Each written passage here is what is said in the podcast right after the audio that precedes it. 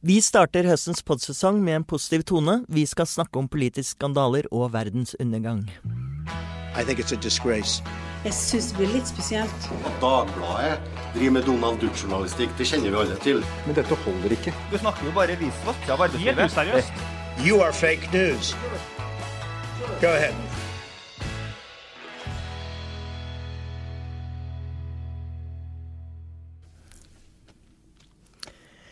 Vi journalister vi eh, elsker jo en god politisk skandale, det må innrømmes.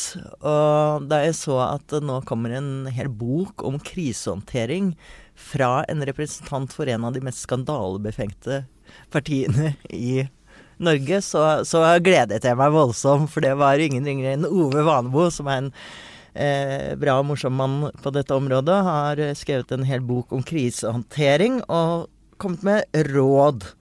Eh, både råd for å håndtere krisen og for å forebygge dem. Eh, Ove Vanebo vil eh, noen huske som eh, tidligere leder av FPU. Og ikke minst statssekretær i Justisdepartementet for en del justisministre siden. Nå er du advokat. Velkommen hit. Takk for det, Marie. Eh, disse eh, skandalene jeg, jeg må jo si at uh, etter et langt liv i journalistikken, og særlig den politiske journalistikken, så blir jeg like overrasket hver gang over hvordan folk totalt mister hodet når skandalen og krisen oppstår. Mm. Og det skriver jo du litt om i boken òg. Ja, og det, det, er veldig fascinerende, fordi eh, jeg tror at i alle disse politiske skandalene så sitter mange, ikke minst dere kommentatorer i ettertid, og sier at uh, dette er jo helt åpenbart. Altså Man burde gjort det på denne og denne måten, og man skulle sett at dette kom til å bli en krise. Og når man først er i krisen, så skulle man sagt det og det. Det som er problemet, er at det er, det er, som en av mine kolleger som jobber i PR- og kommunikasjonsbransjen sier, det er at du, du, må skaffe deg hjelp. Fordi med en gang du havner i krisen, så begynner hjernen å jobbe, og så går eh, alt mulig av eh, det du, du, ser og leser, det går rett inn i fryktsenteret i hjernen. Og så begynner man da for det første å bli eh, nervøs når man skjønner at nå har det virkelig gått galt. Og så eh, blir alle, ikke minst politikerne, opptatt av å få fram at dette er jo egentlig ikke min skyld. Og så begynner man å føle seg selv som et offer. Og så begynner man å skyte rundt fordi man vil ut av den situasjonen. For det er jo, det er jo ekstremt eh, belastende å være i krisen. Eh, og det er som du sier, at eh, man skulle jo tro at når man har vært gjennom en del kriser, så ville man lære av det og kanskje gradvis bli bedre. Men særlig i politikken så glemmer man at det, det er både forberedelser og, og, øving som må til. Og det er også det med å ha en, en, en sånn mer sånn systematisk tankegang på hvordan skal jeg håndtere det. Og det man nok har gjort i politikken, det er at man eh, kaster seg ut i den ene krisen etter den andre. Og så har man en, en, en sånn standardformel med sånn pleier vi å gjøre det. Og så glemmer man at uh, krisene er forskjellige også. Uh, og det er jo kjempestor forskjell om det er skatteetaten du er forbanna på, som, som, Frp var i en sak, uh, og om saken er kanskje en mindreårig som har blitt utsatt for, for overgrep, og, og, til andre ting. Så jeg er overraska over at det ikke har blitt bedre, eh, så det er nok en riktig observasjon. Men du har jo skrevet en bok fordi det er noen eh, nøkkelråd som man kan gi. Hva er, det, hva er noen av de beste rådene? Um, Når krisen oppstår. Du skriver ja. bl.a. At, at det, er ikke, det er ikke så lett å forberede seg på det. Man må ja, det er, det er, som du sier. Altså, det, er, det, er, eh, ekstremt vanskelig. Um, og Grunnen til at jeg skrev denne boka, var jo at uh, jeg var jo um, leder i, Fremskrittspartiets Ungdom i 2011. Og da hadde du liksom, krise etter krise. Da hadde jo Birkedal-saken, Bård Hoksrud som er på tur i Riga, betaler for uh, seksuelle tjenester, 22.07. Eh, Siv Jensen brakk ryggen, og så ble det en stor debatt om det. Og så På slutten av året så tenkte jeg at nå må det være over, og da klarte Carl Hagen å kjøre ned noen fotgjengere og miste lappen. Så, det, så, så, etter året så tenkte jeg at nå, nå, må jeg på en måte systematisere det jeg har, har lært. Um, hvis... jeg, jeg, jeg, må si til lytterne å, å sitere fra, fra, forordet i boken din, som, ja. jeg, som vi syns var litt vittig. For der takker du flere eh, redaktører osv., som man alltid gjør. Og så sier du Og så vil jeg takke alle partifeller som gjennom sin ubøvlete oppførsel og grenseløse idioti har gitt meg mye trening i krisehåndtering. Ja, Hva er rene ord for penga? Mengdetrening er jo viktig uansett om man skal bli en god lege eller, eller god til å håndtere dette. Men, men, men det, det, det sa om, eh, om jeg skulle gitt noe råd.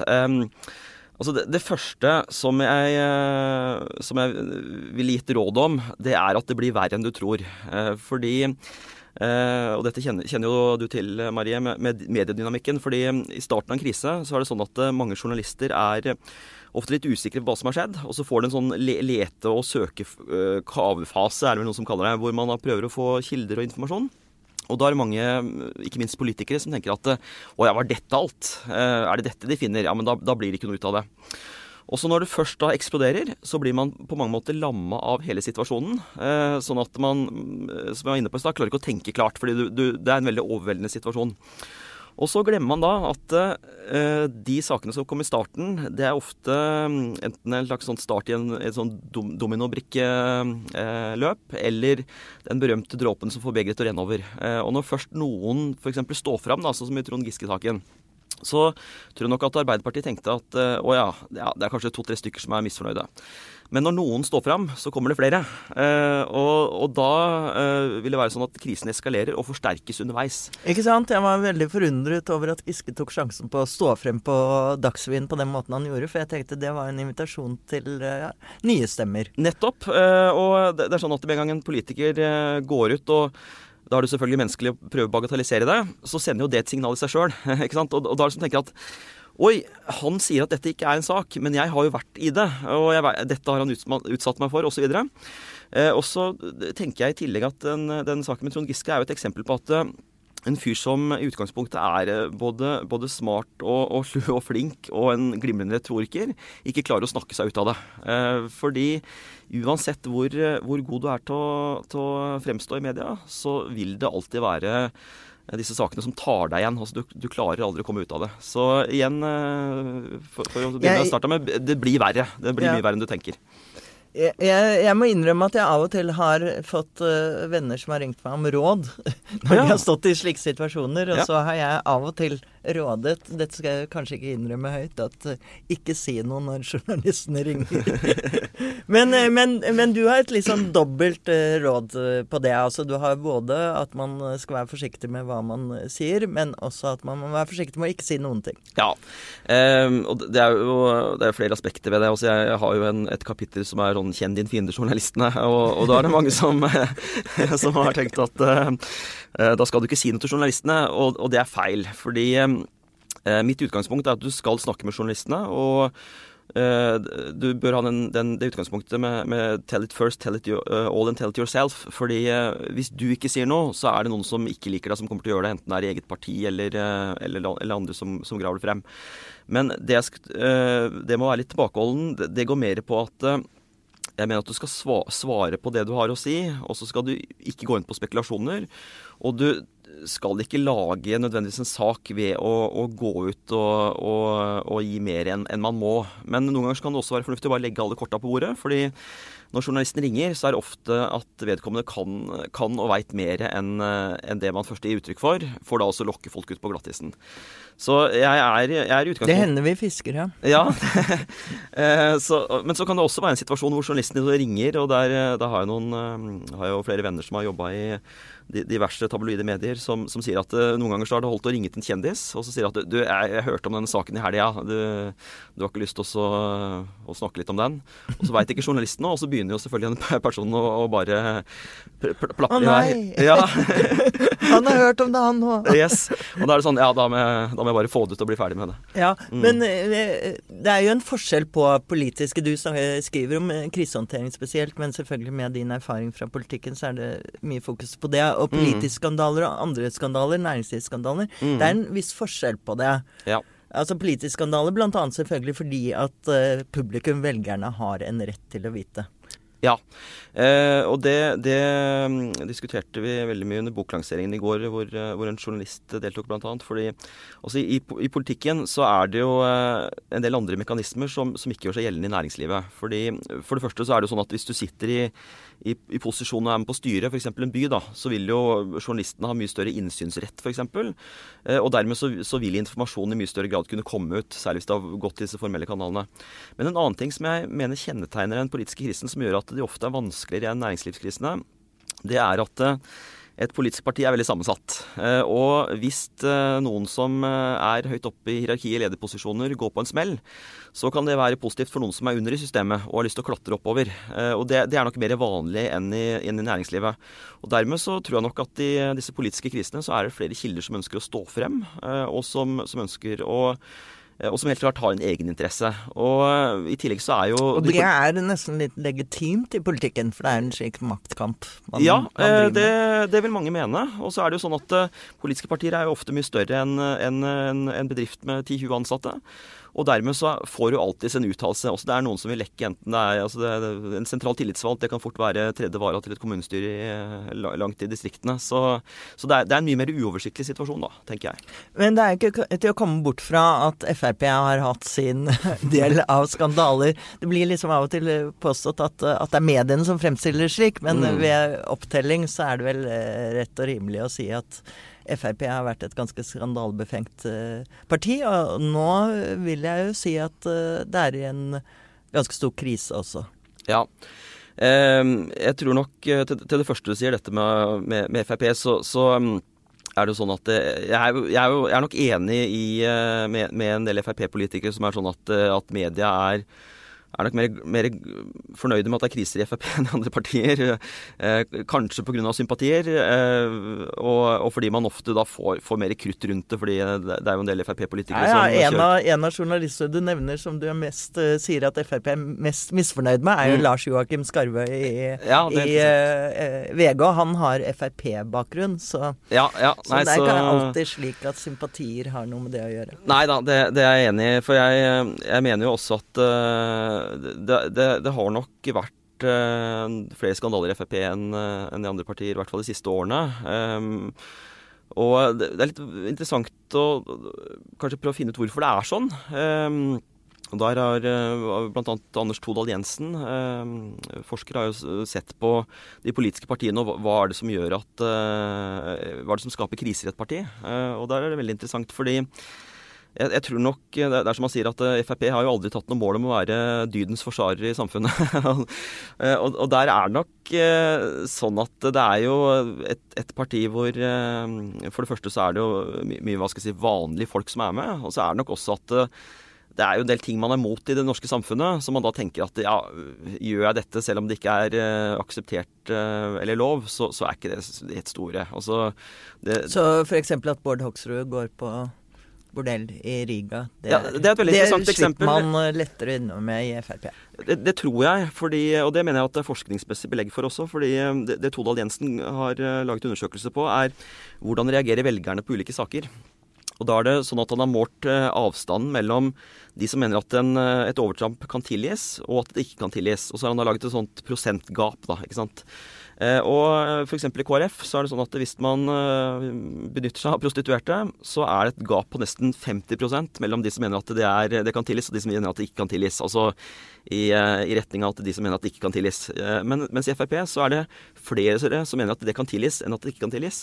Så, så, det tror jeg nok kan jeg ha noe å si. Jeg tror vi hadde syntes at det hadde vært morsommere å skrive om også. Ja, hvis han hadde vært en KrF-er. Absolutt. Og, og, det samme, det var jo også Bruker du narkotika i SV, så blir det lettere tilgitt, f.eks. Så det, at, det at nå blir en krise, det, det, vil alltid lande i et, både et kulturelt og politisk landskap. ikke sant? Og da, da vil eh, noen partier være morsommere å skrive om enn en andre. Men eh, skyldes det kanskje også at, at Frp er mindre disiplinert som partigruppe? At man har mindre mm. respekt for partiapparatet, kanskje. Det er et interessant spørsmål. Eh, mitt umiddelbare svar på det, uten å ha gått nøye inn på det, er nok at jeg tror svaret er nei. fordi det Frp har brukt veldig mye tid og krefter på de siste tiårene, er jo nettopp partibygging. Hvor man har, har terpa på dette med organisasjonskultur og, og passe på hva man gjør osv. Så, videre. så, altså, jeg, tror, jeg, tror, ikke det er det, også, men, men, det kan være at det er et um, Eh, parti som kanskje har litt høy turnover. Og da hjelper det ikke om man har lært folk det tidligere, hvis, eh, hvis nye folk gjør nye, nye, nye, gale ting. Men så gjør jo også etablerte politikere gale ting, da. Du lover at det skal komme flere politiske skandaler. Nå er vi i gang med en valgkamp, og du sier at den kan allerede komme nå. Mm. Eh, FrPs eh, situasjon akkurat nå er vel at partiet er i en krise. Kanskje ikke at det er pga. en skandale, men at eh, de ligger svært dårlig an. Hva er din vurdering av det? Det er jo uh, sånn at og dette er sikkert folk i partiet som ikke liker at jeg sier, men, men altså den, den, formelle definisjonen av en krise er jo at du, du, er i en situasjon hvor du risikerer å miste noe som er verdifullt for deg. ikke sant? det er økonomiske verdier eller andre ting. Og, For et politisk parti så vil jeg mene at hvis man får en drastisk nedgang i oppslutningen, så, så vil det være en krise. Jeg tenker det er vanskelig å komme bort fra det. Um, og da tenker jeg at uh, man er, er, i en uh, vanskelig situasjon, og da må man jo finne ut hva er det interessentene, altså de som du har interesse av, mener det går bra, bra med deg, hva, hva, er det de mener? Og da tror jeg nok at Frp bør nok ta en fot i bakken og finne ut hvor, hvor gikk dette galt. Og jeg tror nok at mye av dette går på antakeligvis troverdighet. fordi eh, i et politisk eh, samarbeidsprosjekt som regjeringen er, så, så vil det jo alltid være sånn at man må, må kompromisse. Eh, og det som særlig har endra dynamikken nå, er at man får inn et nytt parti. denne bompengelista. og, det, tror jeg nok er en såpass stor game changer at man, man må ta en ekstra runde for å finne ut så var, det Churchill sa at um, uansett hvor, uh, hvor, vakker strategien din er, så må du noen ganger se på resultatet. Uh, og, Men det er jo Frp som har lagt uh, invitert nærmest bompengepartiet inn på arenaen. Ja, Vil man jo kanskje si. Ja, altså Det, det er jo klart at man har gjort mye, men man har ikke nok, gjort nok. Og, og, det tenker jeg også er en lærepenge for et politisk parti. at uh, jeg mener jo at man får gjort mer nå enn når man er i opposisjon. Men, men, eh, det som er avgjørende, er jo selvfølgelig Det er jo ikke hva man selv mener er, er riktig. Og det er også en lærdom med krisen at du, det er ikke du som avgjør om det er en krise. Men betyr det at, at Frp kanskje, når du sier ta en fot i bakken, rett og slett gå ut av regjeringen, f.eks.? Ja, så Der har jo f.eks. Uh, Erlend Wiborg, som sitter på Stortinget for Frp, sagt ut at det er 50-50 sjanse for at partiet går ut. Så, så, jeg regner nok det som et ganske sannsynlig scenario. Um, at det går ut? Ja, det, det, det er nok uh, ganske stor sannsynlighet for det. Men, Og men, før neste stortingsvalg? Ja, så det, det, jeg tenker da ut fra mitt perspektiv, da, som, som, som rent krisehåndtering, så er det sånn at hvis man går på en omdømmesmell, så er det sånn at uh, man har sett veldig mye på hvor lang tid det tar det å bygge opp omdømmet igjen. Og da viser det seg at det tar et sted mellom tre og fire år. Uh, så jeg tror at uh, selv om man skulle gå ut av regjering, så vil nok ikke det gjøre at man kommer til gamle høyder. men det vil da eventuelt legge grunnlaget for gjenoppbygging seinere, da. Og det er bare å se på SV. Også, um, SV begynner jo nå å komme i, i stor form, men det har jo tatt mange år. Mm. Så, så det er ikke sånn at hvis det går ut nå, at man kan redde seg til neste stortingsvalg en gang? Da må jeg bare støtte meg til, eh, til de undersøkelsene som er gjort, og da, da, tror jeg at det vil ta lengre tid. Eh, til slutt så må jeg spørre deg, du har jo vært statssekretær i Justisdepartementet. Hvis dere blir sittende i regjering, når blir du justisminister? Du, du veit hva, altså jeg, jeg, støtter meg til eh, gamle britiske politikeren Enoch Powell som sier at uh, 'all political careers ends in misery'. Altså det, det, er, det, er, litt det med også gi seg mens leken er god. og jeg, jeg, trives veldig godt i, i næringslivet og får brukt mine, mine ting der. Så, så, jeg tror at både for min egen del og for, for partiets del så, så, er det fornuftig at jeg gjør andre ting. Takk for at du kom til oss, Ove. Hyggelig å være her.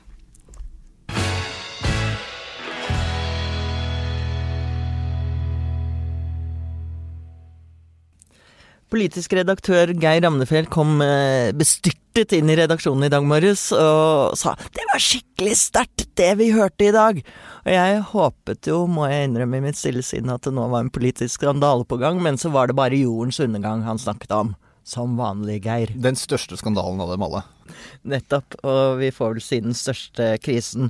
Eh, og det handler da om klimaendringer igjen. Og Anders Fjellberg, Hei igjen. vår klimajournalist og surfer. Ekspert på verdensundergang. Ja. Hva var det FNs klimapanel la frem i dag? De la frem en rapport som handler om landjorda og klimaendringer. Eh, så klimapanelet, hvor det sitter en haug av forskere fra hele verden, har gjennomgått hva som fins av forskning på det området. Og så har de skrevet en rapport som uh, i korte trekk handler om hvordan klimaendringer påvirker landjorda. Og også om hvordan uh, landjorda og hvordan vi bruker den, kan bidra til å begrense og stoppe global oppvarming. Så det handler ikke om fossile utslipp denne gangen? Eh, mye. no, no, som, ja, noe av det er, er, er, er fossile utslipp, Ja. men, Men men, det det hovedsakelig nei. Det, er, det, det her er snakk om eh, landbruk, om avskogning, eh, altså hvordan vi dyrker mat. Eh, tar vi vare på skogen, de tingene her. Fanging av CO2. Ja, det også. Eh, og eh, det er veldig mye fokus på eh, fossil energi i, i klimadebatten, så den biten her er kanskje blitt litt, litt oversett, men det den rapporten her er veldig tydelig på, er at bare det å kutte fossil energi, det, eh, det er ikke nok. Vi, vi må gjøre eh, veldig mye med hvordan vi eh, har skrudd sammen f.eks. matsystemet vårt. Eh, og også sannsynligvis hva vi, hva vi spiser. Sånn omstridte, for ikke å si utskjelte, Gunhild Stordalen har kanskje et poeng? Eh, det ser ut som hun er eh, altså, De er helt i tråd med det klimapanelet nå eh, har lagt fram i, de, i den rapporten. eh, hvor de skriver at et kosthold som er eh, mer basert på eh, planter, har, altså, kan gi store reduksjoner i utslippene av, av klimagasser.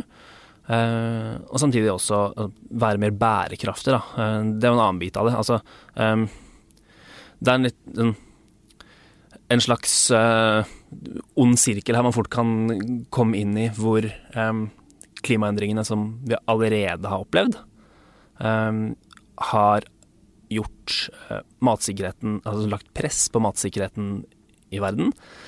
Og så er måten vi driver landbruk på med på å akselerere klimaendringene videre, som igjen går tilbake og eh, setter enda mer press på, på matsikkerheten. Um, så, den, den korte oppsummeringa er eh, egentlig at vi er nødt til å bruke landjorda på en utrolig mye mer bærekraftig måte enn det vi har gjort siste året. Det var, det var noen tall der som var helt sånn Altså, man vet jo egentlig at det er, er sånn, men når du leser de tallene svart på hvitt, så er det ganske sånn, oppsiktsvekkende. Det er over 70% av alt isfritt landarealet er direkte påvirka av menneskelig aktivitet.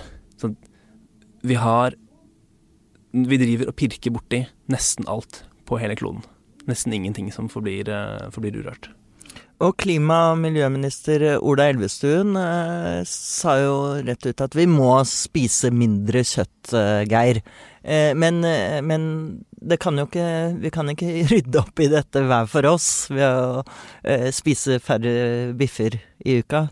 Det er vel ikke det som kan redde verden. Det må politisk kraft og vilje til. Ja, og det er jo det som er Jeg, jeg får alltid litt sånn vondt når jeg, av, eh, av Elvestuen når han sitter og skal ta imot sånne rapporter, for han får jo da en, en rapport som legger fram et vell av, eh, av kunnskap som han selvfølgelig bare i begrensa grad kan, eh, kan klare å gjøre noe med. Og når han som overleverte rapporten, han sa Use it wisely. Så det var et visst alvor i det. Men det er klart at når, når en sånn type uttalelse kommer fra en politiker, så forplikter jo det selvfølgelig at da må politikerne legge opp til løsninger som gjør at systemene og politikken legger opp til at eh, at kjøttforbruket faktisk, eh, faktisk blir mindre. Eh, Så det, det er jo klart at når, når, det, når dette sies, når dette er ute i, i debatten om eh, man skal føle kjøttskam og alt mulig så blir det veldig, blir det veldig kontroversielt. Men når, en, når, altså når landets eh, klima- og miljøminister eh, sier at vi må spise mindre kjøtt, og når FNs eh, klimapanel slår det fast etter at de har brukt eh, 108 forskere og 1500 sider på å skrive en omfattende rapport om matsystemene og hvordan det henger sammen i hele verden, så, så forplikter det på en helt annen måte og vil få konsekvenser for hvordan vi lever livene våre, og hvordan vi eh, Ja, i, i, i de nærmeste tiårene. Og panelet gjør jo noe veldig uvanlig, syns jeg. Nå har jeg ikke fått tid til å selvfølgelig lese annet enn korte sammendrag. Eh, men de beskriver også et slags eh, ideelt politisk system for å få dette til.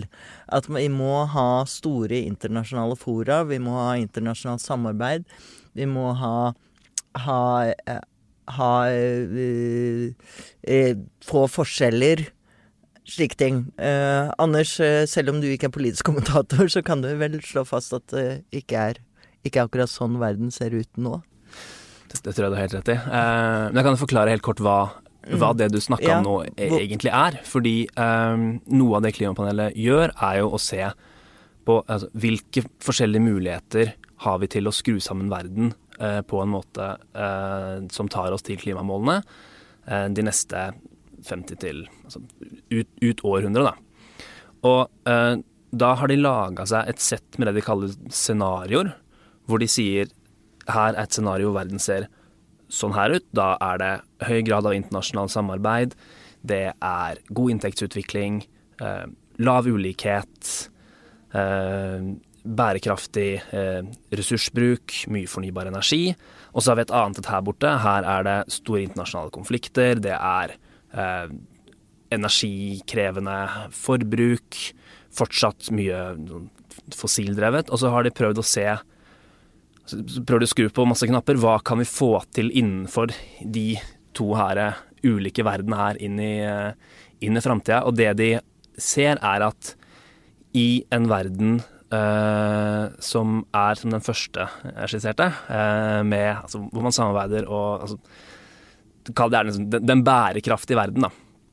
Der finner de at både mulighetene våre til å gjøre store klimagassutslipp, uh, altså kutt i, i klimagassutslippene, og muligheten vår til å faktisk tilpasse oss til de klimaendringene som kommer, er veldig veldig mye større. Er større. Vi er mer robuste i, i, den type verden. Og det, det er litt spennende at de, eh, at de bruker såpass mye plass på å skrive om det i, eh, i sammendraget de lager for politikerne. Kanskje jeg er bekymret for utviklingen?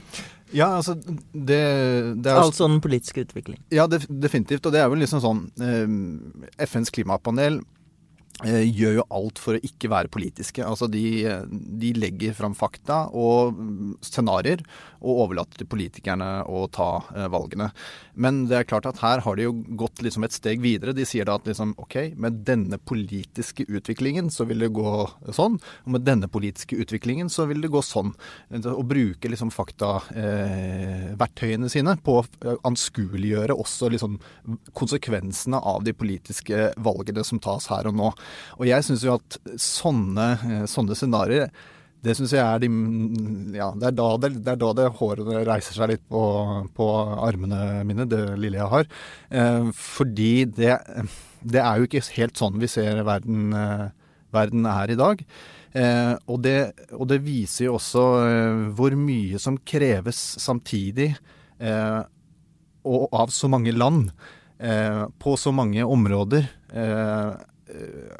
Ja, at det, det, det, viser, det viser kompleksiteten og hvor vanskelig det faktisk er å få til de endringene som, som trengs. Så man må liksom bare ta seg et glass vann etterpå og liksom tenke at dette, dette, kan gå bra, fordi det er, virkelig, det er virkelig store utfordringer. Men det står jo der det også, at nå får jeg prøve å være positiv for, for, for, en gangs skyld, men det også har jo vært veldig tydelig i, i de siste rapportene fra klimapanelet at sånn, ja, det er ikke noe lett de greiene her, men det er faktisk mulig.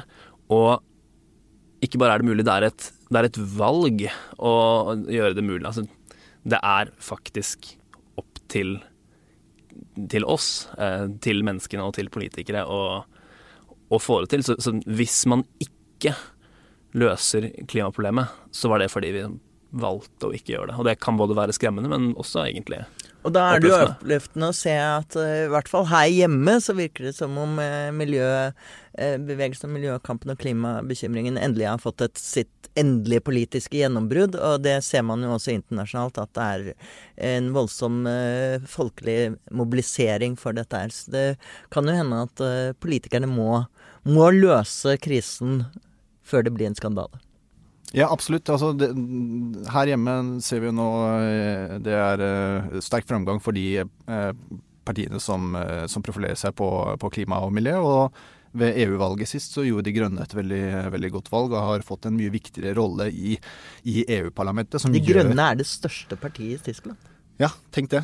Eh, og det har også ført til at altså, sånn, den eh, sånn reelt realpolitisk, da, den, den, posisjonen som de har fått da i EU-parlamentet, det har jo ført til at den nye eh, EU, eh, EU, lederen for EU-kommisjonen måtte eh, forsterke sine klimaambisjoner for å bli stemt gjennom. Så det viser jo at det, det beveger seg i, i, i, riktig retning. Men når man sitter der på, på morgenen nede i grenseveien 7 og får servert hele, hele, hele pakka fra, fra Miljødirektoratet, så blir, det, så blir det sterk kost. Og Dagbladet, vi i Dagbladet er faktisk fortsatt for EU. Og her er en viktig grunn til det. Helt klart. Takk for at dere kom og opplyste oss om den virkelig store krisen i verden. Vi ses ved neste verdensundergang, tenker jeg. Nettopp.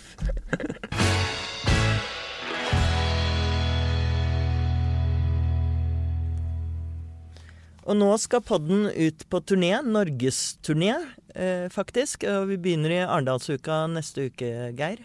Ja, som seg hør og bør når det er lokalvalg, så skal vi ut i eh, land og strand i Norge. Og vi har eh, på, under Arendalsuka, som jo er eh, det demokratiske dansegulvet som, eh, som er laget i Arendal, som er blitt svært. Det er blitt større enn Arendalsvekkan, som var dens for, forbilde. Og da er vi eh, tungt representert, og vi skal i hvert fall ha tre livepodder derfra. Altså går an? Ja, og vi skal ha det Det er ikke rart Arendalsuka blir svært når vi eh, lager tre podder. og vi skal til og med ha på, på statsråd Lemkul, så det blir, det blir staselig, syns jeg. Og senere i valgkampen så skal vi bl.a. til Bergen og Tromsø. Det gleder vi oss kjempe til. Følg med.